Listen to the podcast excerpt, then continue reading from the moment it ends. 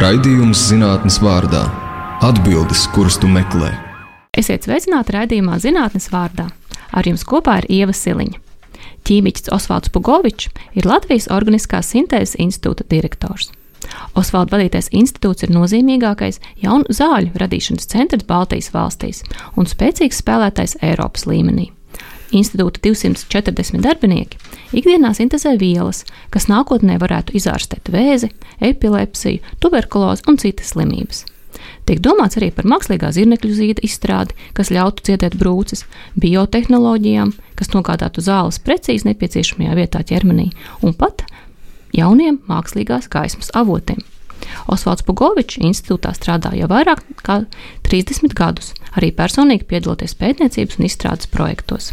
Brīvajā laikā Osvalds ir kaislīgs velobraucējs, bet darbā viņš ir pārliecināts akadēmiskās un lietišķās pētniecības sinerģijas atbalstītājs un ir panācis, ka Latvijas Organiskās Sintēzes institūts ir vislielākais zinātnes pakalpojums sniedzējs komersantiem starp Latvijas pētniecības organizācijām ar 12 miljonu eiro apgrozījumu gadā. Tālūk, tātad raidījuma zinātnes vārdā viesis šodien ir ķīmiķis Osvalds Pugovičs. Labdien! Sveicināti! Osvalds, kādēļ tu izvēlējies studēt tieši ķīmiju? Nu, banāli, ar pirotehniku. kas sākās uh, manā 7. klasē, uh, Rīgas 59. vidusskolā. Un, tā tas attīstījās tālāk līdz studijām Latvijas valsts universitātē tajā laikā. Latvijas Organiskās sintēzes institūts ir dibināts jau 1957. gadā ar mērķi veikt fundamentālos un praktiskos pētījumus organiskajā ķīmijā, molekulārajā bioloģijā un bioorganiskajā ķīmijā. Kā tu nonāci Organiskās sintēzes institūtā? Nu, es studēju Latvijas valsts universitātē, tad es sāku strādāt uh, tolaik Olēnas ķīmiskajā rūpnīcā Biolāra. Tur bija pētniecības institūts, bet man likās, ka tur nav pietiekamas dinamikas, un uh, mana studiju vadītāja dr. Rīta Jākapsone. Teica, nu labi, pamēģini aiziet uz Organiskās sintēzes institūtu. Varbūt, ka tu tur vari noturēties. Un kā tas izdevās? Nu, es vēl joprojām atceros to brīdi, kad uh, institūta direktors pirms manis, profesors Kalviņš, man teica, nu labi, nu, zaudēt mēs neko neņem, nevaram, ņemam tev darbā. Tā pastāsta tagad, lūdzu, ar ko liela institūta vadītājs nodarbojas ikdienā. Un kāds tas atšķiras no tā, ko ikdienā dara zinātnieks? Nu, Pirmkārt, man jālabo tavs teksts par uh, iesaisti pētījumos. Iesaistas pētījumos man praktiski nav. Uh, direktors tā ir administratīva pozīcija. Direktors tas nozīmē, ka ir jāorganizē tie procesi tā, lai zinātniekiem par to nesāpētu galva. Direktors tas nozīmē to, ka ir jāpārstāv institūts dažne dažādos zinātnes politikas veidošanas pasākumos. Direktors tas nozīmē arī to, ka jāpārstāv institūts, sacīsim jau, nu kā ir sabiedriskajās attiecībās. Nu, tas ir direktors, direktors nav zinātnieks. Kāda ir galvenie organiskās sintēzes institūta darbības virzieni? Nu, tā tad uh, jau 57. gadā, kad mūs radīja, mēs bijām tas, ko tagad moderni mēs dēvēt par platformu. Ja? Tātad dažādi pētnieku sadarbības vieta ar mērķi radīt jaunas zāles. Nu, lūk, tas notiek arī šo baltu dienu, un līdz šim vēsturiski mēs esam bijuši ļoti sekmīgi gan pretvēža zālēs, gan kardiovaskulāro saslimšanu preparātos, gan pēdējā laikā esam atjaunojuši arī antibakteriālo līdzekļu pētījumus. Latvijas Zinātnisko organizāciju izvērtējumā ārvalstu eksperti atzina, ka Organiskās sintēzes institūts ir eksportspējīgākais un konkurētspējīgākais institūts Latvijā. Pastāsti, kas tad ir institūta panākuma pamatā? Nu, īstenībā jau uh, visu var nopirkt, viss ir pieejams. Tas, kas nav pieejams, tas, ko īsti nevar nopirkt, ir cilvēku resursi. Un patiesībā sakot, tas, kas ir mūsu sekmīguma pamatā, ir mūsu cilvēki, un arī tas, ka mūsu cilvēki visu laiku atjaunojas. Piemēram, vairāk nekā puse no OSI šī brīža darbiniekiem ir jaunāki par 34 gadiem. Un tāda krietna trešdaļa ir no mūsu vadošajiem pētniekiem jaunāki par 34 gadiem. Tas nozīmē, ka, ja jaunietis atnāk uz OSI, viņam ir iespēja ātri veidot savu zinātnisko karjeru, protams, ja viņam ir spējas, ja viņam ir vēlēšanās. Un tas ir tas, kas varētu būt, ka piesaist jauniešus. No otras puses, mēs to mērķiecīgi atbalstam. Mums ir jauniešu granti, tātad maģistrantu, doktorantu granti. Šāds grants, piemēram, doktorantam var ilgt četrus gadus, un kopējā summa šajos četros gados būs nedaudz nemaz, bet 100 tūkstoši. Un, ja mēs skatāmies, kas ir iztērēts pēdējo septiņu gadu laikā, tad šādos grantos mēs esam iztērējuši jau vairāk nekā pusotru miljonu eiro. Līdz ar to mēs attīstam, ļaujam šiem jauniešiem pašiem meklēt uh, savus uh, virzienus, savu zinātnisko attīstību veidot.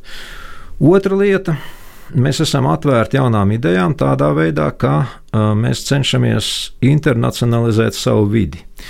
Jo Ir nepieciešams svaigs skats, ir nepieciešams svaigs asins pētniecībā, svaigs skats uz idejām, svaigs skats uz metodēm. Un to var panākt tādā veidā, ka mēs piesaistām pētniekus no ārzemēm. Gan pētniekus, gan arī varbūt doktorantus, piemēram, arī Kirī eh, in, iniciatīvas ietvaros. Šobrīd mums tādu ir 14 eh, gabali. Un tas ir viens no tiem veidiem, kā mēs varam ātri, elastīgi reaģēt uz uh, jaunām tendencēm, kā mēs šīs jaunās tendences varam šeit iedēstīt. Un kāpēc šie ār, ārzemju zinātnieki izvēlas strādāt tieši Latvijā, ne piemēram Vācijā vai Francijā?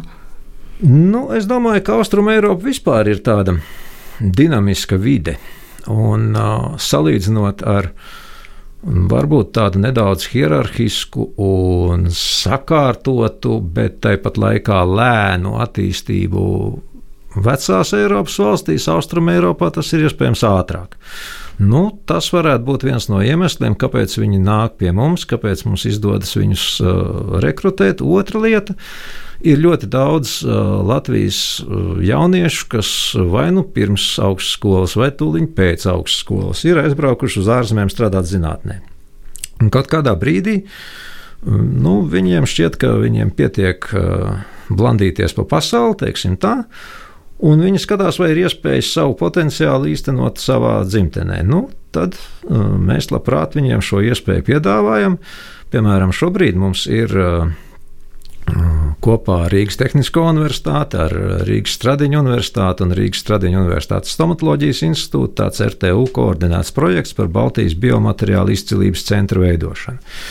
Un šajā projektā mēs, piemēram, rekrutējām Antonu Sizovu, kurš savulaik bija bakalaura darbu izstrādājis Osī, pēc tam bija devies uz Ameriku. Tur aizstāvējis savu doktora disertāciju, pastrādājis krietnu laiku, kardināli nomainījis savu zinātniskās darbības virzienu, un tagad viņš ir pie mums un viņš vada grupu šī projekta ietvaros. Ko mēs varētu ieteikt jauniešiem, ja kas, piemēram, interesējas par ķīmiju, gribētu studēt, kā var pieteikties šiem grantiem un nopelnīt naudu jau studiju laikā? Jā, nu, man ir viena kolēģe, kas šajā sakarībā vienmēr atbild tā, lai strādātu osī, vajag lielu lielas darba spējas un drusku bezskaunības. Nu, mēs ņemam studentus sākot no pirmajiem kursiem. Sākumā mēs, protams, viņiem neko nemaksājam, viņiem vienkārši ir jāparāda, kā viņi var eksistēt mūsu vidē, vai viņiem šī vide patīk. Izdzīvot. Mm, nē. Tā es gluži neteiktu. Palīdzība netiek liekta nekādā gadījumā, bet darba ir daudz. Nu, un tad viņi pamazām attīstās. Un tajā brīdī, kad cilvēks jau izstrādā savu maģistra darbu, ja viņam ir pietiekami daudz spēju, viņš var zinātniskajai padomē iesniegt savu pieteikumu grantam un Zinātniskā padome novērtēs viņa uzstāšanos. Šo grantu pieteikumu novērtēs arī ārēji eksperti, un, ja šis novērtējums būs gana augsts, tad viņš saņems atbalstu. Kā Organiskās Sintēzes institūts izskatās salīdzinājumā ar citiem institūtiem reģionā? Tas ir labs jautājums. Patiesībā sakot, jau ir tā, kā ar tiem reģioniem un citiem institūtiem. Nu, vienmēr jau liekas, ka kaimiņos ir zaļāka zāle vai ne, un, un, un augstāki koki, un katrā ziņā naudas vienmēr ir vairāk. Un tad pirms kāda laika izveidojās tāds Austrumu un Centrālās Eiropas Zinātnisko institūciju konsorcijas. Tas gan bija mm, sākotnēji kā apvāršņa programmas projekts Alliance for Life vai pilnā uh, nosaukumā Alliance for Life Sciences. Tātad deviņu Austrum Eiropas valstu desmit izcilas zinātniskās institūcijas. Droši vien, ka uzdevu sev šo, šo, šo jautājumu, kā tad īsti ir, kā mēs izskatāmies salīdzinot ar citiem, kā mums trūkst, lai mēs varētu būt līderi Eiropas mērogā. Un vai tas, kā mums trūkst, vienmēr ir kaut kas ārējs, vai tas tomēr varētu būt arī kaut kas, ko mēs varam izdarīt saviem spēkiem, sakārtot pašu savu saimniecību.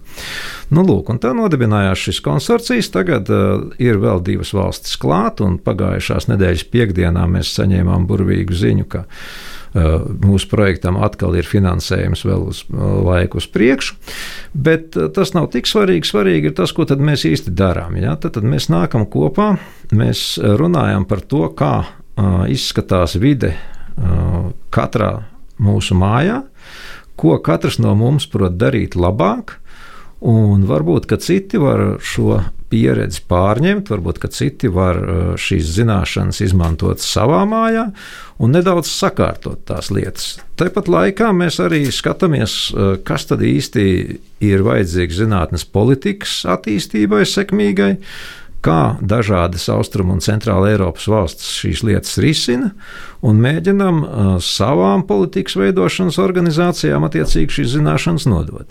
Nu, tādā veidā Piemēram, ir tapis tāds zinātnisko institūciju novērtējumu ziņojums, ir tapusi mm, liste ar labās prakses paraugiem šajās konsorcija dalību institūcijās, kā arī ir tapuši ieteikumi politikas veidotājiem, ko vajadzētu un kā vajadzētu darīt, lai uh, beigu beigās tomēr uh, izlīdzinātu tās atšķirības jaunās un vecās Eiropas valstu starpā. Jo tas, ko, ar ko mēs sākām Alliance for Life, bija tāds, tāda deklarācija, varētu sacīt, ka Austrum Eiropā ir ieplūdusi ļoti liela nauda uh, Eiropas struktūra fondu uh, atbalsta formā. Ir kolosāli uzlabojusies pētniecības infrastruktūra, bet neraugoties uz to, ja mēs analizējām, piemēram, apvāršņu programmas projekts, tad Austrum Eiropieši šajos projektos kā koordinātori nedaudz atpaliek. Nu, lūk, nu, tā tad mūsu deklarācija bija tāda, ka mēs esam saņēmuši gana daudz naudas no Eiropas Savienības un ir pienācis laiks, šos līdzekļus atmaksāt. Ne jau atmaksāt tīri kā finansiālus līdzekļus, bet atmaksāt tādā veidā, ka mums jāsāk beidzot ir pašiem intensificēt savu zinātniskā dzīve. Jāsakārto ir sava zinātnes pārvaldība tik tā, cik tā tas ir mūsu ietekmes robežās, un jāmēģina tātad izlīdzināties ar šiem te uh, vecās Eiropas zinātnes grandiem. Nu, ja mēs tā skatāmies, tad patiesībā sakot, Pārsteidzošā kārtā tas mums pašiem bija liels pārsteigums, atzīšos godīgi. Tās problēmas, ar ko cīnās Austrum Eiropā, ir apmēram vienādas visās valstīs. Varbūt daž, dažviet ir kādā virzienā lielāks progress, citur atkal varbūt kaut kas vairāk Latvijā labāk ir. Bet, nu, jebkurā gadījumā mēs izskatāmies diezgan līdzīgi. Un tas, ar ko Organiskās sintēzes institūts šajā uh, kompānijā izceļas, protams, ir šī sadarbība ar industriālo sektoru, šis atbalsts ražotājiem. Tas ir tas, ar ko mēs esam unikāli uh, šajā lieliskajā kompānijā. Kas ir šīs kopīgās problēmas? Kopīgās problēmas īstenībā ir uh, zinātnes finansējuma nestabilitāte, kas īstenībā traucē uzaudzēt muskuļus, lai varētu sekmīgi uh, koordinēt starptautiskus pētniecības projektus. Mēs esam ļoti labi partneri, mēs esam uzticami partneri un mūs ļoti labprāt izvēlās konsorcijos kā uh, dalībniekus. Bet mums drusku pietrūkst šīs te, mm, kontinuitātes. Varbūt tas ir evolūcijas jautājums, varbūt ka vajag drusku vēl paaugties. Uh, lai mēs paši varētu piedāvāt projektus, kurus koordinēt un uz kuriem uzaicināt kā partnerus tātad zinātnieks no vecajām valstīm. Turpināsim ar mūziku.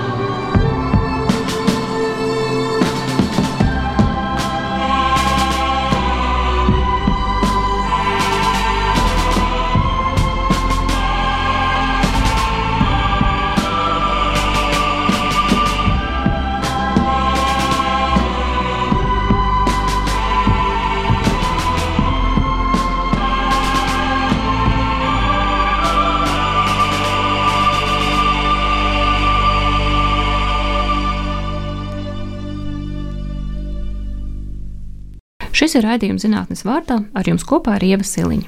Viesos mums šodien ir Organiskās sintēzes institūta direktors Osvalds Pogovičs. Iepriekš runājām par institūta starptautiskajiem panākumiem. Tagad gribētos uzzināt vairāk par pētījumiem, kas šobrīd tiek veikti institūtā. Pastāstiet, lūdzu, kā tiek radīts jaunas zāļu vielas, kāds ir šis process?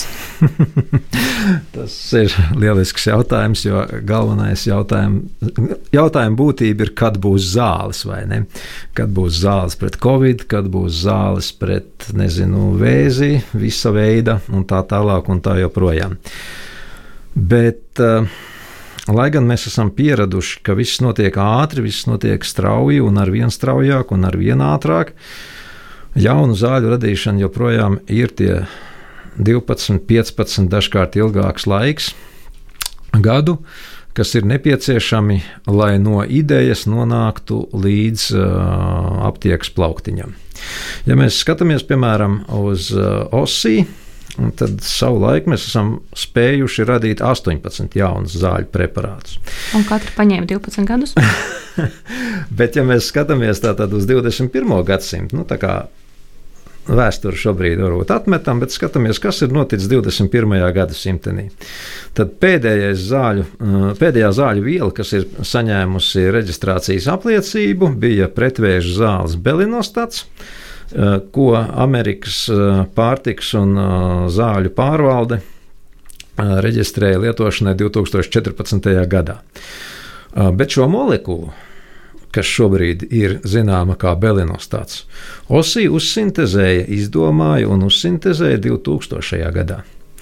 Tātad, lūk, tepat tie 14 gadi ir pagājuši.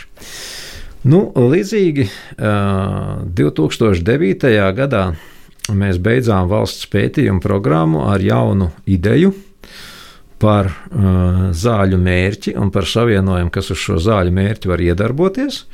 Un 2019. gadā mūsu pašu Latvijas akcijas sabiedrība Grindex pabeidza uh, klīnisko pētījumu pirmo fāzi. Tātad pārbaudot, ka šī viela ir gana droša, lai turpmāk nodarbotos ar efektivitātes pārbaudēm.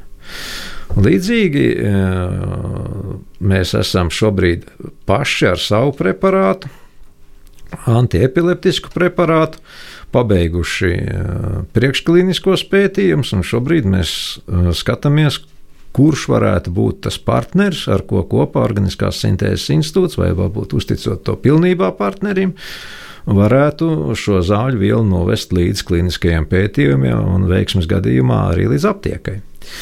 Nu, lūk, šādi. Jā. Tās ir tās lietas, ko mēs eh, šobrīd darām, bet sākās tas viss jebkurā gadījumā ar tādu kā.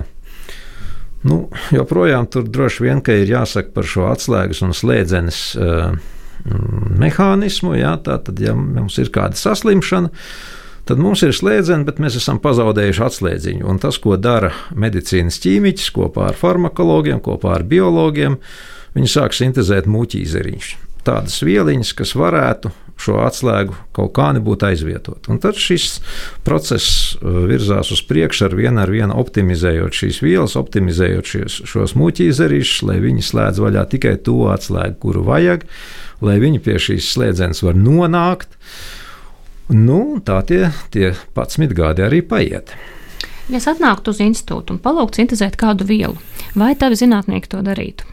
Nu, jautājums, ko tu gribētu? Atslēdziņu. Atslēdziņu kam? Ja tu gribētu saules brilles dvēselē, nu, tad es domāju, ka tev būtu saruna ne tik daudz ar institūta zinātniekiem, kā ar valsts policiju.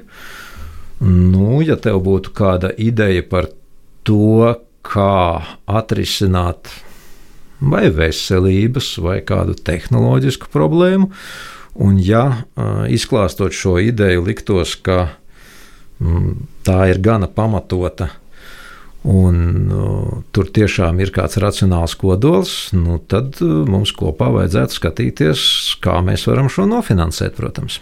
Vai pastāv kaut mazākā iespēja, ka kāds noskatās seriālu Breaking Bad un sintēzē kaut ko tādu, kas ir aizliegts? Nu, kā jau es teicu, mēs šo iespēju nepieļaujam. Pirmām kārtām pavisam formāli, dokumentāli. Otrām kārtām, viens cilvēks neko nesintēzē, viņš vienmēr pārbauda struktūras, un šajā procesā, ja kāds mēģinās sintēzēt ko aizliegtu, tad tas ātri vien būs gaismā. Un, jā, tā pati valsts policija par šo arī painteresēsies un, un nodarbosies ar šo jautājumu. Jo patiesībā sakot, mēs esam nu, barikāžu pretējā pusē. Organiskās sintēzes institūts diezgan intensīvi sadarbojas gan ar valsts policiju, gan ar muitas laboratoriju jaunu psihotropo narkotisko vielu identificēšanā. Vēl vairāk mēs esam arī viena apvāršņa programmas konsorcija dalībnieki, Jo tas, kas šobrīd ir, nu, ja varētu tā izteikties, modes lieta, ir jauni sintētiskie opiāti, un šis konsorcijs, kas saucās Just So, ir domāts tam, lai atrastu veidus, kā sintēzēt vielas, kas mazina atkarību no narkotikām. Tā kā jā, mēs esam iesaistīti šajā procesā, bet mēs esam tajā pusē, kas cenšas šīs atkarības samazināt, kas cenšas šādu vielu sintēzi nepieļaut. Man ir patiesa prieks par to, man šķiet, tā ir ļoti, ļoti aktuāla problēma. Kāda vispār ir institūta pēdējā laika lielākie zinātniskie sasniegumi? Nu, šī gadījumā es varbūt tad, uh, ķeršos atkal pie dokumentāliem pierādījumiem. Un, un uh, Latvijā ir ik gadus tāds uh, Latvijas Zinātņu akadēmijas organizēts zinātnes sasniegumu konkurss.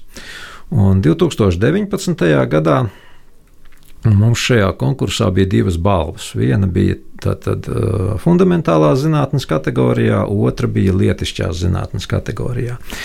Kas attiecas uz fundamentālo zinātni, tad tur uh, tāds pētnieku kolektīvs, uh, dr. Jāņa Velika vadībā, uh, izdomāja un radīja jaunu reaģentu organisko vielu modificēšanai, ievadot tur fluora atomus. Nu, tā būtībā ir ārkārtīgi svarīga lieta jaunu zāļu radīšanā. Tā ir svarīga lieta, lai mēs uzlabotu zāļu biopieejamību reizēm. Katrā ziņā speciālistu aprindās šim atradumam ir nozīme un ir atbalsts. Bet kas man visvairāk patika, man patika tas, ka šī atklājuma autors ir 34 gadīgs un viņa līdzstrādnieki ir vēl jaunāki. Tad būtībā šī jauniešu kompānija ar savu entuziasmu, ar savu aizrautību spēja uh, radīt lietu, kas Latvijā tika atzīta par fundamentālās zinātnes labāko sasniegumu. Un otra konkursa kategorija ir tā saucamā lietišķā zinātne. Tātad kaut kas, kas ir vairāk uz pielietojamo jomu. Tad pagājušajā gadā šajā kategorijā uzvarēja uh, Organiskās sintēzes institūta izstrāde par jauniem gaismas izstarojošām, jauniem gaismas izstar, gaismu izstarojošiem savienojumiem. Būtībā ne tik daudz savienojumiem kā pašu koncepciju, kā uh, uzlabot uh, to starojumu intensitāti. Un kāds no tā vispār labums? Nu, labums ir pavisam vienkāršs. Visas mūsu viedierīces, kam ir tātad šie spīdīgie ekrāni, televizori, datoru ekrāni, uh, Tie izmanto šī, šāda veida vielas. Un, protams, ka ir vajadzība, lai tās vielas ir ar labāku efektivitāti, ar labāku spīdumu, ar labāku gaismas spektru. Nu, lūk, tātad šis koncepts īstenībā atļauj ļoti labi regulēt šo gaismas spektru, ļoti labi pielāgot viņu dienas gaismai, un arī spīdēšanas efektivitāte ir krietni augstāka. Nu, lūk, šādi. Bet ko mēs varētu gaidīt nākotnē? Nu, tad man jāatgriežas atpakaļ droši vien pie tām, ko jau es te drusku iesāku, ja, par to, ar ko Organiskās sintēzes institūts nodarbojās un kas ir uh, bijis, tātad, uh, kas ir radies pēdējā laikā. Un, ja mēs skatāmies uz tām perspektīvām, kas mums te ir, tad uh, viena lieta ir tas, ko es jau pieminēju par šo jauno kardioprotektīvo zāļu vielu kandidātu, kur šobrīd attīsta Grindeks. Ko tieši tas mums varētu dot? Tas mums varētu samazināt to nāves gadījumu skaitu, kas radās no sirds asinsvadu saslimšanām, kas patiesībā sakot, neraugoties uz jauno mēri, tātad uz covid vai ne, vai progresējošo ļaundabīgo audzēju skaitu, joprojām ir nāves gadījumu cēlonis numur viens. Ja? Un, nu, dzīvesveids mums ir tāds, kāds viņš mums ir, un uh, diētas mums ir tādas, kādas viņas mums ir, un gan jau, ka mēs viņus īsti mainīt negribēsim. Bet uh, varbūt tad, kad mēs savu veselību būsim krietni iebojājuši un mūsu sirsniņas sāks uh, streikot, tad uh, šīs zāles varētu palīdzēt. Uh, bez tām ir tātad šis epilepsijas ārstēšanas zāļu vēl kandidāts. Uh, Bet tajā pat laikā mēs strādājam arī pie jaunām antibakteriālām zālēm. Pietēmējums šī gadījumā ir uz malāriju, kas varbūt nav Latvijā pagaidām, paldies Dievam, aktuāla problēma, bet kas ir ļoti aktuāla problēma tā sauktajās attīstības zemēs. Un uh, jādomā, ka šādiem preparātiem pieprasījums augs vēl vairāk, ņemot vērā to, ka kļūst siltāks un šie parazīti dzīvo uh, tajās uh, valstīs, kur pirms tam viņi nebija par, pierasti redzēt. Bet nu, droši vien, ka šāds varētu attīstīties. Nu, tad ir vēl arī izstrādes pretvēžu vielu jomā. Uh, Bet katrā ziņā es tā kā pirmo droši vien gribētu nosaukt šo kardiovaskulāro mm, preparātu, ko šobrīd attīsta Grindeks. Vai jūs strādājat arī ar tādām retākām slimībām, kā meklējat atslēdziņas tur? Jā, tā mēs darām. Un nu pat ir noslēdzies viens apvāršņu programmas projekts par zāļu vielu meklēšanu tā saucamajai batēna slimībai. Tā ir ļoti nelāga saslimšana, paldies Dievam, reta, kas cilvēkam sāk izpausties 4-5 gadu vecumā, kā kustības zaudējums, kā redzes zaudējums. Un patiesībā sakot, tā ir ģenētiski noteikta slimība, līdz ar to tādu īstu zāļu līdz šim viņai nav. Nu, tātad tas mūsu uzdevums bija gan radīt mūsu ar to, es domāju, ne tikai Organiskās sintēzes institūts, bet visu konsorciju kopumā. uzdevums bija radīt ne tikai šo zāļu vielu, pirmkārt jau bija nepieciešams modelis, kurā šīs zāļu vielas varētu testēt, un otrkārt bija nepieciešams, kad nu, šis modelis būs, un kad mēs viņu beidzot atradām, tad kādas varētu būt tās struktūras, ko ir vērts attīstīt tālāk, kas varbūt kaut kad varētu kļūt arī par preparātiem šīs saslimšanas ārstēšanā. Nu, tā bija diezgan negaidīta iesaistīšanās šajā konsorcijā mūs uzrunāja no Londonas Universitātes koledžas un vaicāja, vai mēs būtu gatavi piedalīties ar mūsu ķīmijas kompetenci šajā darbā. Mēs, protams, atbildējām, ka jā, un pēc tam paplašinājām šo kompetenci arī attiecībā uz uh, farmakokinētiku, toksicitāti un tam līdzīgi. Patiesībā šī vielu sintēze glābs dzīvības. Nu, jācer, ka jā. Jācer, ka jā. Un tā tas būs vēl droši vien diezgan ilgi. Protams, bioloģiskie vai biotehnoloģiskie preparāti ar vienu iegūst lielāku popularitāti un ir efektīvi, bet ķīmiskās zāles joprojām dominē. Un, nu, jādomā, ka tur vēl ilgu laiku būs daudz kas darāms. Varbūt var pastāstīt sīkāk, kā šie biotehniskie preparāti strādā.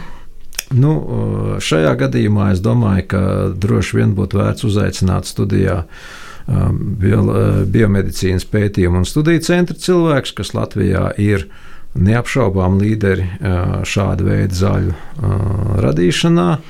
Un, manuprāt, vai nu Jānis Kloviņš vai Kaspars Stārs varētu būt lieliski sarunu partneri. Paldies! Laiks dziesmai!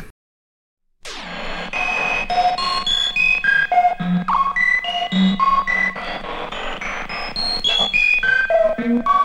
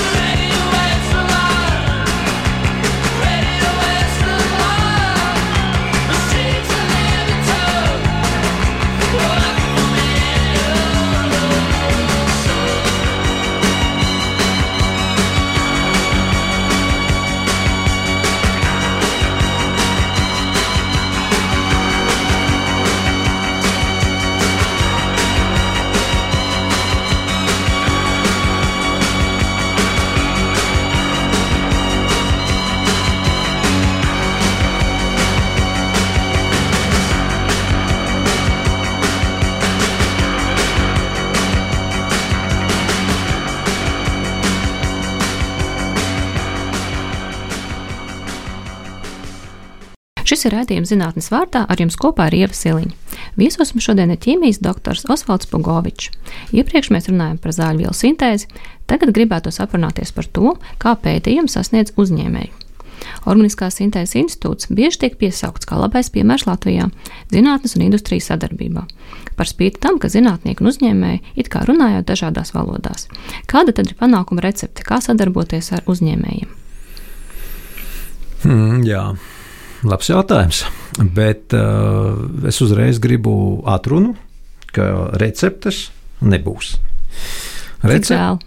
Jā, recepšu grāmatas šajā jautājumā nav. Bet uh, tas, kas ir, ir pilnīgi skaidrs, ka šo sadarbību nosaka iegūtā reputācija. Un reputācija ir tāda dīvaina lieta, ko var būvēt gadu desmitus, kā to Osija arī ir darījis, un ko var sabojāt īstenībā dažu dienu laikā.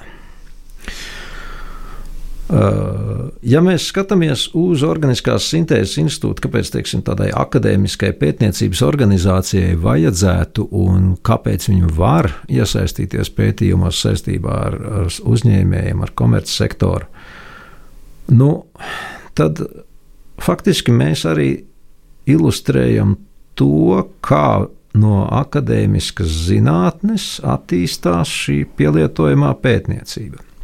Strādājot tajā akadēmiskajā zinātnē, cilvēks pierod domāt plašāk, pierod eh, dziļāk skatīties problēmu cēloņos. No vienas puses, no otras puses, akadēmiskajās organizācijās ir pieejama nu, plaša, jaudīga eh, pētnieciskā infrastruktūra, un kolēģi, kas strādā dažādās nozarēs. Līdz ar to ir iespējami starpdisciplināri pētījumi. Nu, un tā otra puse, ko prasa tātad, eh, komersants, ko prasa uzņēmējs, tā ir pirmām kārtām termiņu un līguma disciplīnas ievērošana, tā ir mērķtiecība, tā ir neapšaubāma konfidencialitāte, Nu, mēs mēģinām šīs lietas apvienot. Un apvienojam to visnotaļ sekmīgi. Tātad trešdaļa no OSI pētnieciskā finansējuma nāk no komersantiem. 19. gadā šī trešdaļa bija 4,1 miljonus eiro. No kā drusku vairāk kā puse bija Eiropas Savienības valstis, kāda trešdaļa ASV, 10% Latvijas komersanti, nu, un tad vēl Šveice, Ķīna, citas valstis. Nu, lūk, nu, tā tad mēs cenšamies izprast savu partneru vēlmes, cenšamies saprast viņu vajadzības, un sekmīga sadarbība attīstās tad, ja partneris ir gana kompetents un ir spējīgs šīs vajadzības labi noformulēt. Nu, tas ir tas, kā mēs savu sadarbību ar komersantiem arī būvējam. Un kas ir pirmā šī komersanta vajadzība vai jūsu ideja, ko jūs piedāvājat komersantam? Ir abi varianti. Ir abi varianti. Uh, ir, protams, komersanta vajadzības, un tā ir tīra kontrakta pētniecība, jo ir vai nu tehnoloģiska vai kāda cita veida problēma, kas ir jāatrisina. Vai, piemēram, tas ir kāds mazais uzņēmums, kuram ir uh, idejas par to, uh, uz kādu uh, farmakoloģisko mērķi mums vajadzētu iedarboties, bet nav ideja par to, ar kādām molekulām mēs to varam izdarīt. Un tad viņi nāk pie mums un vienkārši vaicā, vai mēs varam kaut ko iedomāties. Nu, iedomāties mēs nevaram. Mēs varam pastudēt, kas ir bijis literatūrā, un mēģināt uh, attīstīt šīs idejas vai ģenerēt jaunas. Uh, Bet tikpat labi tie var arī būt mūsu rezultāti, kas ir komersantam interesanti. Nu, tad, tad jau pieminētais piemērs ar akciju sabiedrību Grindex, kur mēs bijām tie, kas par publiskajiem līdzekļiem attīstīja šo ideju. Pēc tam mēs uh, izmantojām Eiropas struktūra fondu finansējumu, un Grindex jau bija mūsu sadarbības partners. Pēc tam Grindex bija tas, kurš pieteica Eiropas struktūra fondu projektu, un mēs bijām sadarbības partneri. Nu, tā šis uh, projekts ir attīstījies, un jācer sasniegs arī savu loģisko gala rezultātu. Tas droši vien arī ir ceļš, kā augstā zinātnē nonāk līdz produktiem? Nu, Jā, bet uh, ir vajadzīgas tās abas kājas. Nu, es tiešām nedomāju, ka ir iespējams attīstīt tikai fundamentālo zinātni vai tikai lietišķos pētījumus. Jebkurā gadījumā, ja tas tā notiek, tad veidojās kaut kāda asimetrija, un vai nu mēs sākam nodarboties ar, ar problēmām, kas ir pārlieku atrautas, vai mēs sākam būt pārāk uh, maz zinātņi ietilpīgi.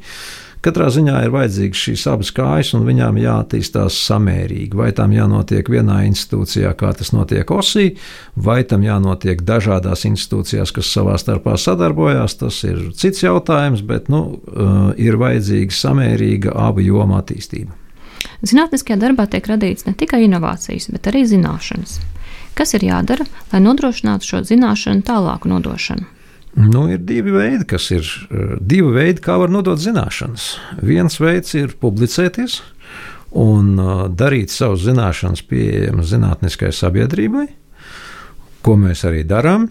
Un uh, Organiskās sintēzes institūtā šobrīd mēs uh, pievēršam uzmanību varbūt ne tik daudz publikāciju skaitam, kā publikāciju kvalitātei. Šajā jautājumā mums ir arī attīstīta tāda iekšējās motivācijas schēma. Mēs katru gadu izvērtējam, kas ir nopublicēts, un publikāciju, labāko publikāciju autori saņem diezgan cienījamas prēmijas. Bet tas ir tas, ko mēs dodam šai starptautiskajai zinātniskajai sabiedrībai, precīzi nevienu neuzrunājot. Tas ir zinātniekiem brīvi pieejams, un tās ir mūsu idejas, mūsu izstrādes, kas ir visiem, visiem, visiem izmantojams. Otra lieta ir mācīšana. Mēs jau drusku pieskārāmies šim jautājumam, studenti. OSI, tātad 240 darbinieku, un 70 no tiem apmēram ir studenti šobrīd. Un, uh, tas, ko mēs darām, mēs šiem studentiem sākumā nododam tādas tīri praktiskas zināšanas, tīri bāzes zināšanas, un pēc tam uh, šīs zināšanas, ko viņi pie mums saņem, kļūst ar vien augstāku līmeņu, līdz viņas pārvēršas jau šo jauniešu pašu pētījumos. Un tādā veidā nu, tiek nodotas zināšanas jau specifiski konkrētiem cilvēkiem, kuri tad būs zinātnieki jaunā paudze.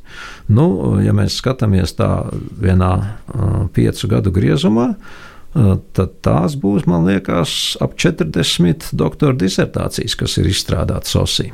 Tas nozīmē, ka ļoti svarīga šī sadarbība starp augstskolu, universitāti un institūtu. Nu, es gribētu pielabot augstskolām un, un, un institūtu. Ja skatās uz osī, tad patiesībā sakot, es pat šobrīd nevaru nosaukt, kura no augstskolām mums ir uh, nozīmīgāks sadarbības partneris. Tas ir gan Latvijas universitāte, gan Tehniskā universitāte, gan Stradiņa universitāte. Mēs esam vienlīdz svarīgi viņiem visiem. Ja mēs analizējam kaut vai kopīgās publikācijas, nu labi, tur varbūt priekšā drusku ir Latvijas universitāte, bet uh, nu, šīs visas trīs sadarbības ir vienlīdz nozīmīgas. Un mēs varam šīm augstskolām piedāvāt uh, to bāzi, kur uh, maģistra studenti vai doktora programmu studenti var izstrādāt savus darbus. Un ne tikai izstrādāt darbus, bet arī saņemt adekvātu darba vadību. Un tas, kas man šajā sakarā priecē, ir uh, šīs jaunās iniciatīvas par jaunajām doktorantūras skolām, kur, ja viss izdosies labi, tad varbūt drusku mazināsies tā greizsirdība augstskolu starpā mm, par studentu piederību vieniem vai otriem, jo eh, šīs programmas ir drusku vērstas uz to, lai veicinātu sadarbību arī starp augstskolām un lai iesaistītu šajā sadarbībā institūtus. Kā vispār Latvijas zinātnes vide izskatās Eiropas kontekstā? Nu, tas arī ir tāds, tāds sarežģīts jautājums, bet manuprāt, Latvijas zinātnes vidē vajadzētu vairāk domāt par uh, savstarpēju sadarbību.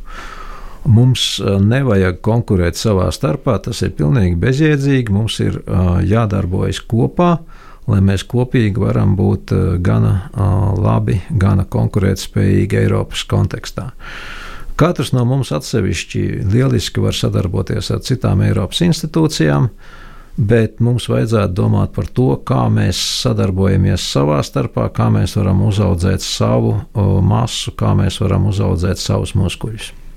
Vai tas attiecās uz visām šīm Lēns for Life um, organizācijām vai tieši uz Latviju?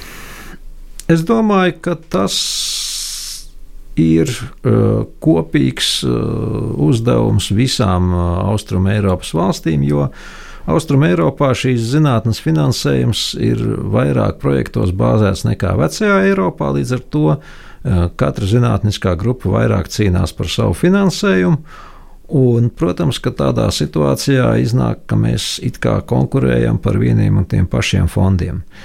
Bet, nu, ir jāmēģina atrast šīs sadarbības iespējas gan pašu mājās, gan tepat nepārāk tālās ārzemēs, Baltijas valstīs vai, vai arī Austrum Eiropā, lai mēs viens otru varētu papildināt un lai mēs efektīvi varētu izmantot to zinātnisko infrastruktūru, kas ir radusies pateicoties uh, struktūra fonda investīcijām. Kas patiesībā ir brīnišķīgi un liela, vai ne? Nu, liela tas būtu gandrīz neko nepateikt. Ja? tā ir milzīga. Un, jā, tas periods, kad 20. gadsimta beigas, paša 21. gadsimta sākums, kad, kad mums infrastruktūras nebija vispār. Tad nu, es negribētu atgriezties šajos laikos ne par ko, un, un tas, ko mēs esam ieguvuši, tas ir nenovērtējami. Bet tagad mums vajadzētu sākt saprast, kā mēs varam strādāt kopā. Kādas izmaiņas tu vēlētos ieraudzīt Latvijā? Es vēlētos ieraudzīt uh, instrumentus, finanšu zinātnes finansējuma instrumentus, kas uh, būtu vērsti uz Latvijas Zinātnisko institūciju savstarpēju sadarbību. Mēs varam viens otru lieliski papildināt, jo nu, nav nozīmes liels sadarboties vienam ķīmiķim ar otru. Tur varbūt var iznākt kaut kas, varbūt nekas īpašs.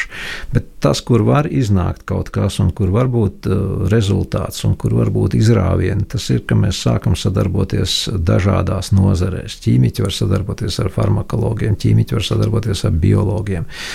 Tas materiāls zinātniekiem, tas ir tas, kur mēs varam uh, sasniegt izrāvienus, un tas ir tas, kas ir jādara. Tu domā tieši Latvijas līmenī vai arī starptautiski? Uh, gan, gan.